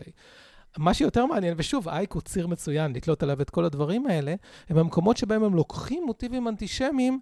אם תאשים את אייק שהוא אנטישמי, הוא יכחיש לחלוטין. כן. אני אנטישמי שלי, כמה מחבריי כן. הטובים ביותר, סליחה, זה היה ירידה לא לעניין, אבל זה מה, הוא יגיד, אבל הרעיון שיש קבל מאחורי הקלעים, שלוקח כוח חיות מאנשים באמצעות זה שהוא ממש מילולית, שותה להם את הדם. Mm. והוא עושה את זה דרך רשת סודית, לפעמים של מנהרות, שלוקחת ילדים, ואז גם מענה את הילדים האלה כדי לעורר אצלם את בלוטת האדרנוכרום, Mm. כדי לייצר, סליחה, את החומר, האדרנוכרום, כדי לייצר, כי החומר הזה גורם להם להישאר צעירים לנצח. Mm. בניקוי של כמה מושגים כמו אדרנוכרום, זה כמעט ציטוט מילה מילה מהפרוטוקולים. Mm. שנאלצתי לקרוא בשביל המחקר שלי, זה טקסט לא רע, כטקסט Mm. ספרותי, אגב. ו- למרות שזה באמת קריקטורה. אנחנו זאבים, אנחנו, כאילו, מי, מי, איזה יהודי היה, כאילו, איזה קונספירטור היה כותב כזה טקסט? כאילו, היה משאיר כזה פרוטוקול. התשובה היא, היועצים של הצאר ברוסיה כתב כזה טקסט, ועד היום אתה לא, לא מצליח לגרד אפילו- אותו. אבל כדי להאמין, זאת אומרת, אם יש יהודים שרוצים לשלוט על העולם והם חכמים, הם, הם, הם היו כותבים טקסט שאומרים, אנחנו זאבים, ואנחנו נתקוף, ואנחנו נשלוט. אה, אומרת, זה- כן, אני מבין, אבל הם לא כתבו טקסט. כן. זאת אומרת, זה תלוי באיזה גרסה. בגרסה המוקדמת יותר של הפרוטוקול, אם מישהו הצליח להאזין להם בפגישה השנתית של כל נציגי העולם, משפחת רוטשילד הזאת שמתאספת, איפה היא מתאספת? איפה? בבית הקברות בפראג. Mm. העתיק, כמובן. אתה יודע, זה גם בלילה, ליד קברים, זה, זה, זה, זה סיפור טוב מבחינת הסיפור, ואנשים אוהבים סיפורים טובים, זה תופס. Mm. עכשיו, אתה יכול להגיד, אבל זה נורא מוזר. בסדר, אולי זה נורא מוזר. כל חסידי QAnon מאמינים בתיאוריה שהיא מילה במילה התיאוריה הזאת. Mm. מילה במילה, והם אומרים שזה קורה באיזה מרתף של פיצריה, שלא להאמין שהיא עוד קיימת, אגב, אף אחד לא פוצץ אותה, אה, במרתף של פיצריה, מישהו אחד ניסה, במרתף של פיצריה בוושינגטון, שלטענת הפיצריה אין לה בכלל מרתף. אתה מבין, כאילו, בקומט פיצה. הזאת QAnon זה. גם, זה, זה תופעה שיש לנו את ההצלבה בעצם של הרוח קונספירטיבית עם הכוח של הרשתות החברתיות. ממש, ממש. אה, ו... זאת אומרת, QAnon זה כרגע התנועה שהתחילה ב, באתרים האלה, 4chan, 4chan. 8chan, ואז זה גם דמות מרתקת, הבחור הזה שהקים ונסע לפיליפינים וכולי, לכו תבדקו את זה, זה סיפור הזייתי לחלוטין. אבל יש 4chan, 8chan, ויש שם איזה דמות בשם Q, שהוא הנביא הגדול, וכולם מקשיבים ל-Q, וכולם מאמינים ל-Q, וכש-Q אומר, אז צריך ללכת לפוצץ פיצה או להשתלט על הקפיטול. אה, תראה, QAnon זה באמת, זה, כאילו, זה גם המקום, אני, כשהלכתי לחקור תיאוריות קונספירציה, אמרתי, סליחה, הלכתי לחקור את השטוחיסטים, אחר כך הגעתי לתיאוריות קונספירציה, אז אמרתי, אני מתרחק מדי הרבה שנים, לא שאני אקדמאי עד כדי כך ותיק, אבל די הרבה שנים של מחקר בתחום הדקות, דתות, אני מגדיר את עצמי כאנתרופולוג של הדת. זה לא דת, אנשים שמאמינים שהעולם שטוח, לפחות ככה חשבתי כשהתחלתי לחקור את זה. אחר כך גיליתי שיש בתוכה זרמים דתיים. QAnon זה המקום שבו ההכשרה שלי כחוקר דתות אה, pays off באיזשהו מובן. כי אנשים התחילו להגיד, רגע, זה, זה מרגיש לנו כמו תנועה דתית. Mm. יש להם נביא, כמו Mm. שאמרת, אה, הם, הם, הם עוסקים המון בפרשנות של טקסטים, Mm. כי Q לא כותב ברור. Mm. הוא, אומר, הוא, הוא כותב בסדרה של שאלות, הכל אצלו סדרה של שאלות, והן הן קריפטיק, הן כאילו מוזרות, אתה מנסה להבין מה הוא בדיוק אומר, ו-down the rabbit hole, כאילו, כאילו, הוא שולח את ה... את ה כשהוא, כשהוא זורק את הקיוביטס האלה שלו, אז אנשים רודפים אחרי זה ומנסים להבין מה זה אומר, והם עוסקים באיזה מלאכת פרשנות משותפת, איזו הרמנויטיקה משותפת, שמנסים להבין מה זה אומר, ואז אחד מציע, והשני, ואז זה נהיה דוגמה או לא נהיה דוגמה, וכי הוא תומך בזה או לא תומך בזה, ממש כאילו הם עסוקים בזה, מערכת משותפת, זה מרגיש כמו מערכת דתית. אה, אין בעולם הבא בהכרח, אבל זה מרגיש כמו מערכת דתית ממש של פרשנות ושל פעולה ושל אמונה. וזה הכל קורה, קורה בעולם הווירטואלי. וזה גם, אני חושב, משהו מדהים, גם מבחינת הסכנה של תופעות כאלה, זה שה-QAnon הזה, למשל, אם פעם היה לפחות, תראה, תיאוריות קונספירציות לא מוצדקות, אה, אז אלה של הנאצים כלפי היהודים למשל, או דברים כאלה ואחרים, עשו נזק נורא ואכזריות נורא, וציד המכשפות, ו... אה, אבל QAnon זה כן בצורה מאוד מהר, אתה יכול להגיע להמון אנשים עם הרשת הזאת. נכון, אבל מצד שני, חלקם יגידו, אוקיי, א', אני לא יודע איך להפעיל את 4chan. מה כן. שמדהים זה כל הדו, אה, הסבתות האלה, בנות ה-60, שאיכשהו הצליחו להבין איך לפעול בתוך 4chan, אתה יודע, זה כאילו, לא שזה סופר אה, מסובך, אבל זה לא... כן, כן, כאילו, לא, זה צריך לא ללמוד user פה friendly, איזשהו כן. משהו. אה, אני רק אגיד מילה על ההערה הקודמת שלך, בהקשר של האנטישמיות. היהודים גם, היהודים, אני מתכוון ממש, אנחנו, הציונות למשל, ידעה גם לעשות בזה שימוש. אה, ברור. יש טענות לגבי בלפור, ברור. שאחת הסיבות שהוא על- חתם על ההצהרה זה שהוא האמין שככה הוא יצליח לגייס כסף מכל הבנקאים בעולם, כי ברור שכל אגב- הבנקאים בעולם הם יהודים. למי הוא נתן את ההצהרה? למי בלפור מגיש את ההצהרה? למי? למי? למי? לרוטשילד. לא, באמת. כן, כן. עכשיו, מתוך באמת איזושהי הנחה שמשפחת רוטשילד תפעיל את הקשרים כדי להכניס את אמר- את אמריקה ל- למלחמת העולם הראשונה. ובאמת היא נכנסה למלחמת העולם הראשונה. אוי אוי אוי. זאת אחת מתיאוריות הקונספירציה החזקות ביותר בארצות הברית. אנשים שטענו כנגד הנשיא, מה אתה נכנס? אתה הבטחת שאתה לא תיכנס. ה-non-interventionist, אתה הבטחת שאתה לא תראה, תיכנס, אבל על זה אני כן נבחרת שמח ש- לנשיאות. שהוא יהיה established על ההתחלה, כאילו אתה קבעת על ההתחלה שזה שמשהו תיאוריית קונספירציה, אה, לא הופך אותה בהכרח למוטעת. נכון? זאת אומרת, יש תיאוריות קונספירציות, השטוחיסטים, אני מניח אתה לא אוכל. דיוויד אייק, אני מניח אתה לא אוכל.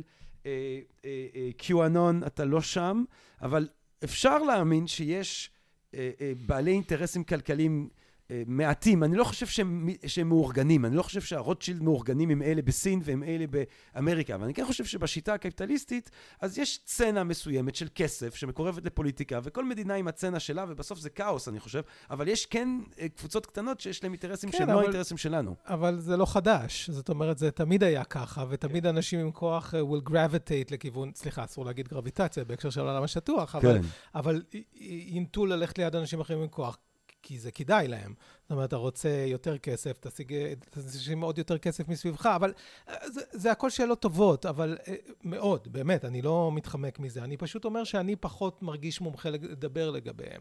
ולגבי QAnon, למשל, אה, אחד הדברים המעניינים ב-QAnon זה שלצד זה שהוא ממש כמעט, באמת, כמעט מילה במילה, לא הוא, כי הוא מדבר קצת קריפטיק, בצורה קצת מוזרה וקשה לפענוח, בכוונה, אבל QAnon מצרף לתוך זה, לתוך המסר שהוא לא חדש, את כל המדיה הזאת שהיא סופר חדשה. מעבר לפעולה שלו ברשתות חברתיות, הוא בעצם מאמץ טכניקה שהיא נראית קצת מוזרה בהקשר של תיאוריות קונספירציה, של לדבר בצורה לא ברורה. Mm. היו נביאים לפניו שעשו את זה לאורך ההיסטוריה, זה מאוד הועיל להם. Mm. יש טענות שהרב קוק, הבן של Mm. צבי יהודה, היה, הוא היה, היה קשה מאוד להבין מה הוא אומר, וזה הדיר את הכריזמה שלו, Mm. למשל. סליחה דווקא על הדוגמה הזאת, היא פשוט זאת כן, שקפצה לי לראש, כן, זה כן. לא יוצא דופן. כן. אה, כל הזן, כל ה-fascination של הזן, סליחה, כן. הזן יותר עמוק מזה, בנוי על זה שאתה לא מצליח, זה כזה עושה לך, רגע, מה נאמר פה? כן. אז הנה, הוא לקח את זה והוא הכניס את זה פנימה לתוך העניין הזה, בתוך רשתות חברתיות, אוקיי? וכל זה בצורה שבה ה... אה, זה לא treasure hunt, איך קוראים לדברים האלה שמוסתרים בתוך משחקים? כן, כן. אה, תשמע, זה- כן treasure hunt, לא? זה לא כן, אבל צייד, יש לזה שם. כן. אתה רוצה שנעשה הפסקת מחקר? אפשר, יש קטע כזה. אז אפשר לעשות הפסקת מחקר ולבדוק, אבל הנה, הוא הכניס לתוך ה-QAnon בעצם את כל התרבות של ה gamers. כן. כל התרבות של ה gamers. כן, יש אנשים. שאומרים שהדרך הנכונה להסתכל על QAnon זה כעל אה, קהילה של gamers, רק שלא עוסקת בגיימינג. בוא נמצא את המילה הזאת רגע. יש! עשינו תחקיר מעמיק, אה, לא נגלה לכם איך, ובסוף הצלחנו לגלות שקוראים לזה Easter eggs. Easter eggs. אז כל QAnon בנוי על Easter eggs. אה. זה שאתה זורק רמזים שרק ה initiated יכולים, לג... אנשים שבאמת מכירים יכולים, והם חופרים בטקסטים וחופרים בטקסטים כדי לגלות את המקומות האלה שבהם רק אתה יכול להבין. עכשיו, יש את ה... את השיימן הזה, ה-Q שיימן אה, המפורסם. בטח, ג'ייק אנג'לי. בדיוק. אז הוא כזה, Q sent me. הגיבור הגדול. אחד הדברים המעניינים זה השלט הזה שלו, Q sent me. כן, Q didn't send him, בגלל ש-Q לא אומר שום דבר ברור מספיק. כן. אבל הוא פירש והוא הבין את הסקריפצ'ר ככה שהוא הבין מה שבעצם Q אומר לו. כן. וזה go and, uh, and storm the capital. איזה איש, אז, אה, איזה איש, נכון? גם שברו אותו שם בכלא עכשיו, הוא מבואס. אה, בסך הכל הוא בא, הוא שר בקפיטול. תראה, אני אגיד לך משהו, זה היה אירוע נוראי, וזה על גבול של מהפכה, ואם טראמפ היה אולי משחק את הקלפים שלו קצת אחרת, והם היו באמת מורידים שם כמה מהסנטורים והקונגרסמנים, כמו שהיה קורה, אם הם היו נפגשים איתם, אז יכול באמת להיות שהייתה, זה היה אה, מידרדר לכדי משהו אחר לחלוטין, וטוב שזה נגמר כמו שזה נגמר, אבל כן קשה, אני חייב לומר שקשה לי לומר, קשה לי לראות אנשים פשוטים, כאילו, אנשים כמו שהיו את המחאות האלה של, ה, של האיכרים, אה, נמצאים במזרונות של הכוח, שהוא כוח כל כך אה, מושחת בארצות הברית בסוף. קשה לי, יש בי גם קצת שאומר, אה, אולי כדאי שיתחילו לפחד מהעניים שלהם, האמריקאים האלה שם. כן, אני רואה מאיפה אתה מגיע. למרות אבל- שהם אנטישמים נוראים וכולי, ומחאות... לא, חלקם, אבל יש שם חלקם, גם אנשים כן. שהסתובבו עם דגל ישראל לצד סמל אנטישמי, אבל זה מה שהיה, כאילו, אני ראיתי את זה ואני אמרתי, אני חייב להודות, אוקיי? כשאתה רואה דברים כמו, לצורך העניין, אה, מגדלי התאומים, שכמובן או. שכל הקונספירטורים אומרים שלא קרו. Building 7! כן, אבל כשאתה רואה כאלה דברים, כש, כשזה קרה בזמן ש... כשהייתי בחיים ויכולתי כן, לראות כן, את זה כן. בטלוויזיה, אז אמרתי, זה לא יכול לקרות, זה לא יכול להיות שזה קורה, זה לא יכול... כולם כן. הסתובבו כזה, this is not happening, כן, כאילו, כן. המציאות לא מתאימה לאיך שאנחנו תופסים את המציאות. כן. אבל כשקרה מה שקרה בקפיטול, היה לי את זה, ולצד זה אמרתי, וואו, זה כל כך מדהים, הבן אדם הזה יש לו קרניים ואיפור כחול, כן, והוא כן. כובש את הקפיטול, זה לא יכול להיות, זה כאילו, אה, כמעט הייתי... למרות שאתה יודע, טראמפ גם אמר, it's gonna be wild, אני ציפיתי, אני אמרתי השישי בינואר. לקרניים? אתה ציפית קרניים, לא, לקרניים? לא, כן, הוא- לא, הוא- אבל זה היה היופי של אמריקה, אתה יודע, זה נכון. זה אמריקה של טייגר קינג, זה אמריקה, weird old אמריקה, זה- זה משהו, זה האקסנטריקיות, האקסנטריציות, איך אומרים? אה, אקסצנטריות. אקסצנטריות, האקסנטריות האמריקאית הזאת לפעמים מולידה דברים. אה, רק שם, מה עם building אה, 7? מה עם אה, building? זה הכי קרוב שאני אגיד, building 7. אתה מכיר את building 7? כן, בטח מכיר. הבניין הנוסף שנפל? נכון. על כלום? סתם ככה נופל? או שלא. או שלא. אבל אה, זאת, תראה, כשאתה מסתכל על מסלולי החיים כן. של אנשים שהם שטוחיסטים בארץ, עם אלה כן. שדיברתי איתם, אף אחד מהם לא התחיל כשטוחיסט. כן. לא, לא, אף אחד, אבל רובם מאמינים בתיאוריות קונספירציה, זה כאילו, they didn't fall down the rabbit hole, כן. הם לא נפלו, כן. They slided, זאת אומרת, זה היה יותר גלישה איטית של כמה כן. שנים. אתה מתחיל ב building 7, ולפני שאתה יודע, ורובם לוציפר. לא, זה לא קרה להם ב-2001, כן. כאילו, כן. זה לא קרה אז, זה קרה אחר כך, כשיצא סרט שנקרא זייטגייסט בשנת 2006, 5, 6, 7, זה יצא כסדרה של סרטים. אהה. זה בעצם מה שהפיץ את תיאוריות הקונספירציה בארץ, או הגדיל אותם, כי היה גם סביב רצח רבין, היה יוטיוב. כן. יותר מכל דבר אחר היה יוטיוב, כן. אם מדברים על רשתות חברתיות. כל האנשים האלה היו צריכים להיחשף למידע הזה מאיפשהו, כן. הרי מוסתר, נכון? אז הנה הגיעה הרשת של ההמונים, שכל כן. אחד יכול לעלות, לפני שכמובן שהרשעים השתלטו עליה והיום עושים בצנזורה, והפיצו את המידע הזה. כן. והם הפיצו את המידע הזה לצד ה- ה- הטענה על הגולד סטנדרט, אם אתה מכיר אותה, גם טענה קונספירטיבית אה, כן, כן, עם הכסף, אנטישמיות, כן. שבעצם הכסף בעולם הוא לא, לא יושב יותר על הבסיס של זהב, כן. ואין כיסוי לכל הכסף שמסתובב בעולם, וזאת גם המצאה של היהודים, אצל כן. חלקם, ושל משפחת רוקפלר, כן. או רוטשילד, וכולי וכולי, של הבנקאים בכל מקרה. היה, הסרט זייטגייסט עסק גם בזה וגם בזה. וגם בין, ו, ואז הם אמרו, גם, תראו, יש גם 9-11 בזייטגייסט? כן. אני לא כן. כן, אני רק אציין למי שלא יודע שה building 7 זה כאילו בניין שבו לא נכנס מטוס, שקרס כמה שעות אחרי שקרסו המגדלי התאומים. אה, הוא פשוט עלה באש עם כל הרסיסים שנפלו כנראה מהבניינים הגדולים וכל מה ש... לא יודע מה קרה או שם. שלא. או שלא, אבל, שוב- אבל או שוב, שלא. אבל הטענה שלהם, הם אומרים, לגבי אה, 9-11, יש להם שתי טענות, וכמעט, זה, יש לי ציטוט יפה של אחת ה... אה, אחת ה... אה, מישהי שכותבת באיזושהי קבוצה דיגיטלית, והיא אומרת, זה הולך פחות או יותר ככה. ככל שאתה עולה במעלה, ככל שאתה עולה במעלה העץ, אתה שם לב יותר לעלים. בהתחלה Mm. אתה רק רואה את הגזע. Mm. אז כשאתה עולה למעלה, אתה מבין שהעולם שטוח, והאדרנוכרום, ויש כל מיני אנשים מאחורי הקלעים ש- שממש שותים דם, ואולי שההיסטוריה של העולם היא אחרת לגמרי, ואולי פעם הלכו על כדור הארץ ענקים, סליחה, כדור הארץ בעולם השטוח, ענקים וכולי וכולי, כל מיני תיאוריות שבאמת אפשר להרחיב בהן. אתה כבר לא מדבר בכלל על רבין ועל בנייני התאומים, זה ברור, כן, כן, ברור זה שזה obvious, obvious, obvious, כאילו כן. זה, וכרצח קנדי, מי כן. בכלל צריך להסביר לו שברור מעניין. שקנדי יש את התורה נרצח? הזאת של קוויין על הרשת הקוגניטיבית שלנו. זאת אומרת, אה, קוויין הוא פילוסוף אה, אנליטי של המאה ה-20, אה, והוא מדבר על זה שיש לך אמונות שהן כאילו בקצה, שהידע שלנו הוא בעצם רשת. מהמם. יש לך אמונות שהן כאילו ממש במרכז של הרשת, ויש לך אמונות שהן בקצה. עכשיו, האמונה שלך בקצה אני יכול להחליף בקלות. נגיד, אה, אם, אם ה- ה- Mm. הבירה של, של בנגלדש, חשבת שזה X, אני אומר לך שזה Y, אה. האמונות של המרכז, אמונות שאם אני משנה אותן, אז הכל צריך לשנות, וזה הרבה יותר מורכב. אז כאילו, לאט לאט אתה כאילו מתאר מצב שבו האמונות מתחלפות מה... ה building, מה קרה בדיוק באירוע כזה, זה פחות משמעותי לי, אבל לאט לאט, דרך זה אני, אני נכנס יותר ויותר עמוק בתוך הרשת האמונית הזאת שלי. נכון, זה נראה לי ממש הגדרה טובה. זה, אני מכיר את זה בהקשר של רשת רעיונית, אבל זה כן. נשמע ממש... Quine לא איזשהו- דיבר על קונספירציות, הוא רק ניסה לנתח לא, לא, איך ידע עובד, אבל זה... זה, זה נשמע לי מאוד, כן. מאוד סביר. זאת כן. אומרת, בהתחלה זה לאט לאט עושה לך איזה אה, depopulation, repopulation. זאת אומרת, זה מחליף את האוכלוסייה כן, של הרשת הפרשנית, נגיד, שאתה, שאתה סבוך בתוכה. כן. ו- ולאט לאט, אז כשאתה מסתכל מסביב, וכל הרעיונות הם כבר רעיונות כאלה, באיזשהו מובן. אז, אה, אז יש עדיין ויכוח על 9-11, הוא הרבה פחות סוער משהוא היה לפני עשור. אה, עכשיו, זה לא אומר שיש פחות קונספיר... אנשים שמאמינים בתיאוריות קונספירציה, זה פשוט שזה כבר הבסיס. אתה יודע, כבר לא מתקדמים בזה. ואז אה, לפעמים נכנסים לוויכוחים מהפקשן שאומר, טוב, היו מטוסים... אבל גם היו אה, פיצוצים של ה-CIA השתיל שם, או ה-FBI או היהודים השתילו כל מיני פצצות בפנים, כי הדלק מטוסים לא חם מספיק בשביל להתיך את קורות הפלדה שתמכו.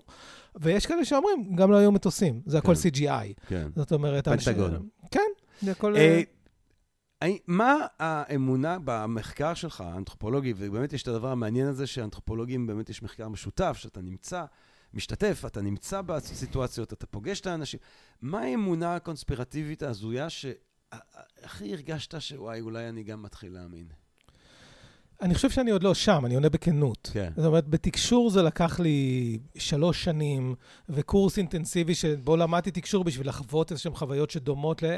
אני, אה, אם דיברנו על אה, פסיכולוגיה, הדיספוזיציה הפסיכולוגית שלי, אני, אני חושב שאני בן אדם די משעמם. כן. בטח לעומת השטוחיסטים שלי.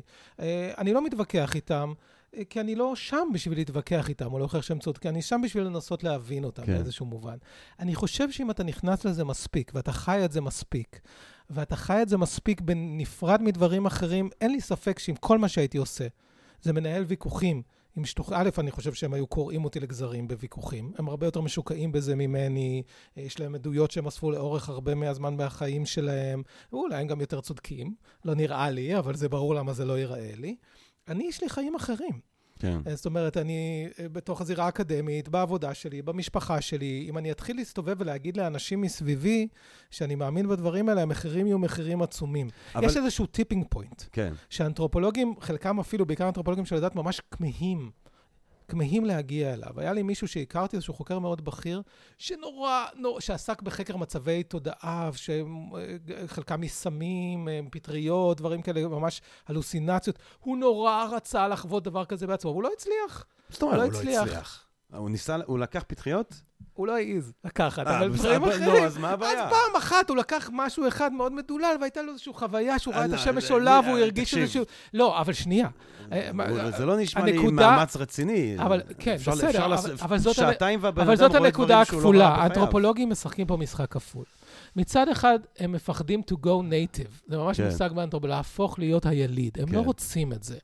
עכשיו, למה הם לא רוצים את זה? ממגוון סיבות. אה, רובם שהקריירה שלהם היא כאנתרופולוגים. מה אתה תעשה אם ת- תתחיל לבוא עם לבוש ילידי לקמפוס אה, בסן דייגו? כאילו, כן. מה, מה תעשה עם הדבר הזה? אבל, ומה אשתך תגיד? כן. ומה החברים שלך יחשבו.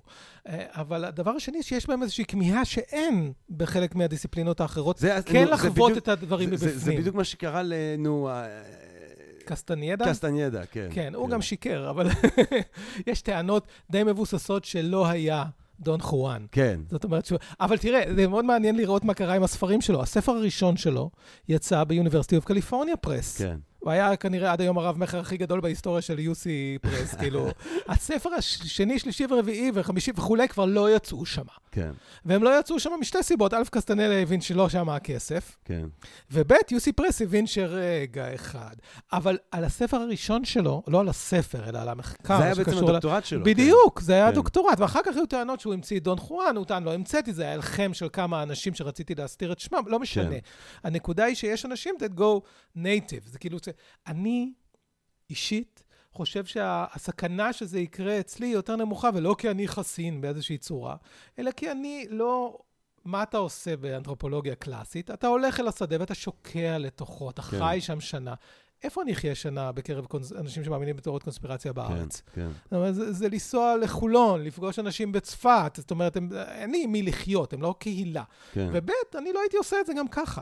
ולכן, אני עוד לא לגמרי שם. עכשיו, אם הם אומרים לי, יש אנשים בעמדות של כוח שמנצלים את הכוח הזה לרעה, תראה לי מישהו בישראל שלא כן, מאמין טוב, בזה, כן. כאילו, באיזשהו מובן. מעניין. מה, אבל, אבל אה, התקשור, אתה אומר, הפיך, אבל זה לא קונספירציה, תקשור זה קונספירציה או זה יותר פשוט אמונה רוחנית? לא, תקשור זה לא קונספירציה. כן. תקשור זה לא קונספירציה. זאת אומרת, השקפת העולם שלהם היא אחרת. הם לרוב לא מאמינים. בתור התחלה, דיברנו על דואליזם. אה, תפיסת העולם לפחות של ה- ה- השטוחיסטים, אבל של הרבה מאוד קונספירצים, אה, קונספירטיביים, אנשים שמאמינים בתיאוריות קונספירציה, היא תפיסת עולם שיש בה כוחות אפלים מאוד בעולם. ה-New Age במשך הרבה שנים לא הצליח לייצר תפיסה של רוע. Hmm. לא היה בו אופל. אה, שכתיאולוגיה תמיד חשבתי, לא שזה מקומי לבקר, שזה זה מייצר תיאולוגיה קצת חלשה. Hmm. איך אתה מסביר את העובדה שהעולם לא הכל, כן. אה, אתה יודע, קרני שמש וחדי קרן, כן. אם מדברים על קרניים, כן, בהקשר הזה. איך- לכן בימינו, אני חושב שדווקא העידן החדש פוגש תיאוריות קונספירציה, כי זה מספק להם את האמונה הזאת בצד האפל, באיזשהו מובן. אבל מתקשרות הן פחות עניין של תיאוריות קונספירציה, והן אה, רובן, לפחות אלה שהכרתי, ובטח אז. היום זה נהיה יותר נפוץ, תיאוריות קונספירציה. תראה מה הקורונה עשתה, כן? כן. זאת אומרת, אם הייתי מספר ל, לכל אחד בישראל שלפני, אנחנו נגיד לפני שנה וקצת, אה, הולכים להיסגר בבתים ארבעה חודשים ברצף במהלך כן, השנה. כן. לא ברצף, סליחה, אבל בסך הכל במהלך השנה. הילדים בגילאים מסוימים לא ילכו לבתי ספר, אנשים יקבלו חיסונים, ילכו עם מסכות. היו חושבים שזה מגוחך לחלוטין. ומצד שני, מה שהקורונה עשתה זה לקחה מאיתנו את היכולת לתכנן את העתיד. Hmm. אנחנו לא מבינים מה יקרה. אנשים עכשיו אומרים, אני לא יודע מה אני אעשה בפסח. Mm. פסח זה עוד מעט מאוד זמן. כן. אני לא יודע מתי אני אשודר, אבל זה עוד מעט מאוד זמן. כן. ו- ואנשים לא יודעים מה הם יעשו בעוד שבועיים. הם לא יודעים אם הם יוכלו לטוס, אם יישארו בארץ, הילדים שלהם יהיו בבתי ספר, מה לעשות עם הכסף, תהיה להם עבודה, וזה אתה חושב תורם להתפתחות של קונספירציות? מאוד, מאוד. בגלל שאנשים, כש... למה זה תורם להתפתחות של קונספירציות?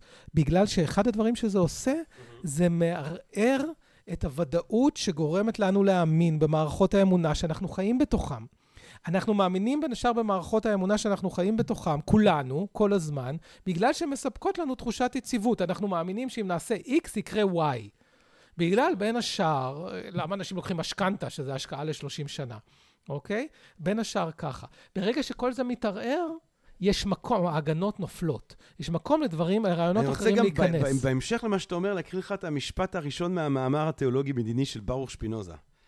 אילו בני אדם עשויים היו לכוון את כל ענייניהם בעצה בטוחה, או אילו שיחק להם מזלם תמיד, לא היו נתפסים לכל אמונת שווא.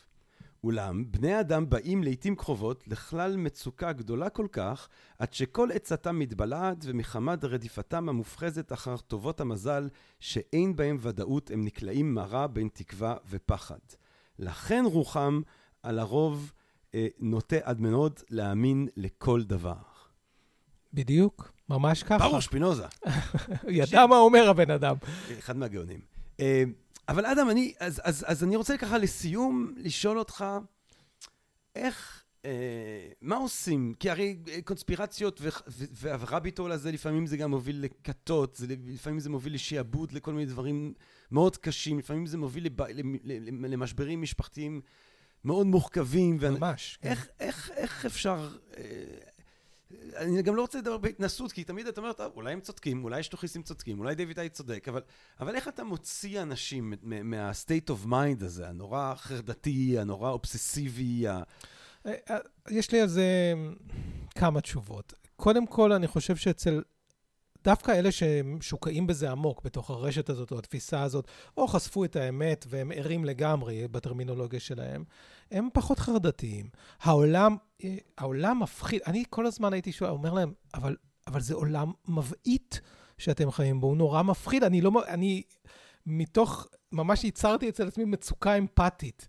אמרתי להם, אני מסתובב בעולם ככה רועד מרוב אה, עצבים ופחד, ובגלל מה שאתם מרגישים, אבל אנחנו לא מרגישים ככה. למה אנחנו לא מרגישים ככה? אומרים, קודם כל, זה העולם. זאת אומרת, אתה לא יודע את זה, יש לך עדיין את הכיסוי על העיניים, אבל זה העולם האמיתי לתפיסתם. מה זה? אז אתה חי בשקר, לא אנחנו חיים בשקר. אז אל תשליך עלינו את השקר שלך. אבל דבר שני, הם, הם אומרים לי, בסדר, אבל אנחנו אלה שנציל את העולם, או אם יש לעולם סיכוי להינצל, זה בזכותנו, לא בזכותך. Mm. ולכן יש פה איזושהי תודעה של קבוצה נבחרת. Mm. לא רק ש, שהיא היחידה שיכולה אולי לעשות משהו, ואם לא לעשות משהו לגבי אחרים, לפחות לצרף עוד אנשים שיצטרפו כדי שהם ינצלו. בסופו של דבר. וזה לא משנה ינצלו ממה. אז אתה אומר, אין, אין אה, זה לא בהכרח דבר שמזיק להיכנס למחשבות האלה ולתחום הזה, זה לא דבר שהוא בהכרח מזיק, זה לא דבר שצריך לחשוב עליו. לא, אמרתי שזה לא תמיד מייצר מצוקה פסיכולוגית. Okay. אוקיי. לגבי מזיק, זה בהחלט מנתק אותך ממערכות חברתיות אחרות, אם אתה מאמין בזה מספיק. Uh-huh. איך אתה יכול ללכת לעבוד, לדוגמה, אצל המעסיק הגדול ביותר בישראל, מדינת ישראל? כן. אתה לא יכול, ברור לך בשביל מי, בשביל מי הוא עובד באמת, כן. במובן הזה. ועוד, ועוד הרבה דברים בסגנון הזה. זה מנתק אותך ממערכות חברתיות. אני איך, אני לא עוסק בלנסות לשכנע אותם לכאן או לשם. זה באמת לא הסיבה שנכנסתי כדי להבין למה הם טועים, או להבין איך אני יכול לשכנע אותם ש, שאני צודק. אני מנסה להבין את מערכת האמונה שלהם. אבל יש כן משהו אחד שאני מודה שמטריד אותי ברמה, אפשר להגיד, הנורמטיבית. וזה קושר ממש לנקודה שבה פתחת, וזה המשבר האפיסטמולוגי, שאני רואה אותו כאיש מדעי החברה. לא שאני לא חושב שהפרשנות שלך נכונה לגבי המשבר, ה... שגויה, סליחה, אני לא חושב שהיא שגויה, אבל אני רואה אותו כמשבר שקשור בסמכות. Mm. בין השאר, אנחנו פשוט לא מקבלים יותר מקורות סמכות חיצוניים. Mm. וזה חלק מהותי מהמודרנה, או אם אתה רוצה להיות נדיב, מהפוסט-מודרנה. צ'ארלס טיילר כתב על אינדיבידואליזם, ואחרים שאמרו שזה ממש, אה, אה, ועל המודרניות המאוחרת, בק כתב על זה, באומן כתב על זה, וכל התפיסה הזאת שאומרת שהאינדיבידואליזם הולך ואוכל את המודרניות מבפנים. ואחד האספקטים של זה, הצד ה flip side של זה, הוא שאם אתה מאמין רק בעצמך, אתה לא מאמין בשום דבר חיצוני לך. אז למה שאני אאמין במישהו שלמד 25 שנה? כי גם הוא, כל מה שזה אומר זה שהוא שטפו לו את המוח בכל הטקסטים האלה שכתבו השקרנים במשך, אם אני מאמין רק בעצמי. ש... וכשמקורות הסמכות מתערערים, אנחנו מגיעים למצב חברתי שדורקהיים קרא לו אנומיה. וזה מצב שבו אנשים מנוכרים ומנותקים ממערכות חברתיות. עכשיו, אפשר להגיד, והשטוחיסטים יגידו, בסדר, אתה חייב להרוס את המערכות המרושעות לפני שאתה יכול לתקן. יכול להיות שהם צודקים.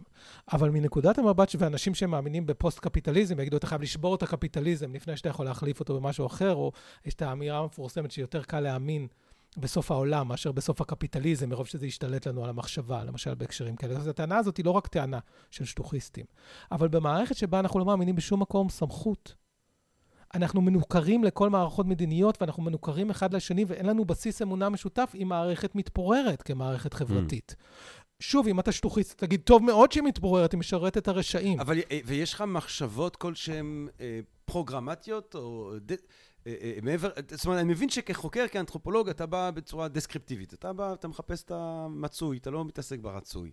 אבל אני מניח שבכל זאת צריכות להיות לך, גם בזמנך חופשי, לא כחוקר, כאדם, אה, כאדם, אה, מחשבות על, על מה רצוי, על מה, על איך, מה אפשר לעשות בעולם, עם, אה, ש, ש, שהאמון, באמת שעולם שבו אין יותר מקור סמכות לגבי מידע אמין ולא אמין, ואין לך אה, פרוגרמה שאתה יכול לחשוב עליה שיכולה לסייע חינוך מסוים? יש לי, יש לי במידה מסוימת. א', אני מרגיש שאני נכנס פה למים שאני לא באמת יודע לשחות בהם. כן. ואני מנסה, כשאני יכול, לא לדבר יותר מדי על דברים שאני לא מבין בהם. כן. אני עדיין...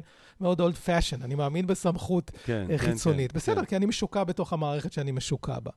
אה, אני כן אגיד שאני מרגיש שהצורה, למשל בהקשר של הקורונה והמתנגדי החיסונים, אני חושב שברמה עמוקה, אמ, המאבק נגדם הוא מתנהל בצורה שגויה. אני לא אומר שלא צריך לנהל אותו, בהנחה, שוב, אתה מקבל את ההשקפה הזאת, ואני, מתוך המקום שלי בעולם, מקבל אותה. אלא הוא לא צריך להתנהל ככה. אתה לא צריך להילחם בהם ולהכריח אותם ולהפחיד אותם ולאיים עליהם ולהציג נתונים חלקיים. לגבי למשל התמותה מקורונה שהיא איומה, אבל היא בעיקר אצל אנשים מעל גיל 80. כן. זה לא אומר שלא צריך להתחסן, זה לא אומר שלא צריך להגן, להגן על אנשים האלה, אבל להגיד, כמו שמשרד הבריאות בימינו, רוב המתים מקורונה בימינו הם צעירים, זה פשוט לא נכון. Mm. זה נכון שזה הרבה יותר בגלל כן. החיסונים מאשר זה היה קודם. כן. אבל זה לא, למה הם אומרים את זה? כי, או, הם עושים איזה אה, אה, ברירה של עובדות, cherry picking כזה של עובדות. מה שטוענים נגד הקונספירטיבים תמיד, שהם עושים cherry picking של עובדות. כדי, למה? כאיזשהו קמפיין יחסי ציבור שהמטרה שלו היא לשכנע אנשים בכל צורה. אתה רוצה לשכנע בני אדם, תדבר אליהם בצורה אמפתית, תנסה להסביר להם, אל תתעצבן עליהם, אל תהיה ציני, אל תנסה למשוך אותם בכוח, אל תלעג להם. אנחנו יודעים איך אנחנו מגיבים כשמתייחסים אלינו כמו לילדים קטנים. לעשות את זה לאחרים זאת פשוט טעות. Mm. וזה קשור גם למה שאתה דיברת עליו, על חינוך. אבל זה, אתה יודע, זה פרוגרמה ארוכת טווח. כן, כן. אתה צריך ללמד אנשים, כמו שאתה אמרת, במידה מסוימת את זה אני מקבל. אתה לא צריך ללמד אנשים עובדות, אתה לא צריך ללמד אותם רק עובדות, כי אני כן עדיין חושב שצריך לא, לא, כן, לא רק עובדות. אבל כן. אתה צריך ללמד אותם איך לברור בין עובדות. כן. למשל, אחד הדברים שנעשה בחלק מהמקומות, אתה אומר, אתה מקבל, מישהו שלח לך איזשהו מידע בא, באינטרנט שאומר ש-90% ממי שקיבל חיסון ראשון מת. אוקיי, אנשים מתים על ימין ועל שמאל. סתם, בהקשר של החיסונים. אז יש איזו רשימה, אני חושב, אחד העיתונים בגרדיאן אולי הכין אותה, שאומר, הנה כמה דברים שאתה צריך להסתכל עליהם כשתקבל כזה מידע. והרשימה הזאת לא אומרת, האם זה ממקור, זה גם האם זה ממקור אמין, והאם זה מתוקף אקדמית. מה התאריך שבו זה נשלח? כי הרבה פעמים הדברים האלה, אנשים אומרים, תראה, תראה מה קורה, ושולחים לך את זה, ואתה אומר להם, אבל תסתכלו, כתוב בפנים שזה מלפני שמונה חודשים. כן. זה, זה כתוב, זה הכותרת. זה לא אומר שזה נכון או לא נכון, אבל מאז עבר קצת זמן, כל מיני דברים כאלה. תן לאנשים את הידע כדי לאורך זמן לברור את העובדות במידה מסוימת, אבל בעיקר, כשמתווכח איתם, תתווכח איתם כשווים. ואם הם מנצחים בוויכוח, אז אולי הם צודקים ולא אתה. וכרגע זה מאוד היררכי. זאת אומרת, המדינה מפעילה את הסמכות שלה בכל הכוח. מדינת ישראל, האמון במדינה מאוד מעורער כרגע, אז מי שלא מאמין בה, לא יאמין בה יותר כי ייתנו לו סטירה. כן. הוא יאמין בה פחות. מעניין. מצד שני, על כל דבר אפשר לטעון שהוא משבר ומצב חירום. אגב, הרבה מהתיאוריות האלה מגיעות מהדיסציפלינות שלי. זאת אומרת שהמדינה אוהבת לנצל את מצב החירום כדי... אז זה לא שאני בעד ישר להאמין לכוח. אני רק אומר, צריך, הכוח צריך לדעת להפעיל את עצמו יותר במתינות ולהקשיב יותר לאנשים. במדינת ישראל הכוח לא כל כך יודע לעשות את זה. דוקטור אדם קלין אורון, אני רוצה להודות לך על, אה, ואני רוצה להודות לך בשם האילומינטי, על זה שהצלחת ככה בהצגה שלך להסתיר את האינטרסים שלנו. אה, אתה, אתה רפטיליאני של כבוד, אתה חצי רפטיליאני. כאילו, יש גם, אתה יודע, אגב, יש היברידים, רק שתדע, אצל דיוויד. יש, uh, זה מסתבך. כן, מהצד מצ'נסטחוב, אני רפטיליאני. אני, אני רפטיליאני מהצד של האימא. אה, תודה רבה רבה רבה לך, דוקטור אדם קלין אורון. אה, אני חושב שזה היה מרתק ומאיר עיניים, ומאוד רלוונטי לתקופה הזאת, אבל באמת לתקופה הזאת בצורה רחבה, כי זה מעניין שהאנושות עדיין מספרת לעצמה כל מיני סיפורים שאיכשהו נשארים איתנו. הם עוד היו אה, אה, אה, בקלפים עתיקים של פעם, והם בפורצ'יין ואייצ'יין, ו... אה, אה, אה, יש לנו את ההרגל המעניין הזה, אז תודה רבה לך. ואני מציע לכל המאזינות והמאזינים שלי, בוא, כולנו, בוא נבחון את עצמנו, כן? חיים שאין בהם חקירה, לא כדאי לו לאדם לחיותם מהמסוק חוטס. אולי בחינה מתמדת, כל הזמן, לא להניח שהעולם עגול, בוא נבדוק למה ואיך זה הוכח, וכל הזמן להיות במהלך של חקירה. אה, או לפחות חלק מהזמן, זה לא מזיק, כן? לא ליפול לדוגמטיות מכל סוג. אני מאוד אוהב את זה כשאתה מדבר, אתה אומר, אה, אולי הם צודקים. דווקא אני, זה מאוד חשוב לי, הגישה הזאת. אה, תודה רבה לך, דוקטור אדם קלינורון. תודה רבה לכם ולכן, המאזינות והמאזינים היקרות והיקרים שלנו, הקהל הקדוש של הפודקאסט של Think and Be Different, על ההאזנה. אני מקווה מאוד שנהניתם מהפרק הזה, מקווה מאוד שאתם נהנים מהפרקים שכבר הספקנו להקליט, ואלה שבעזרת השם אנחנו נמשיך ונקליט. תודה רבה, כל טוב. ונשתמע. פודקאסט, פודקאסט, פודקאסט.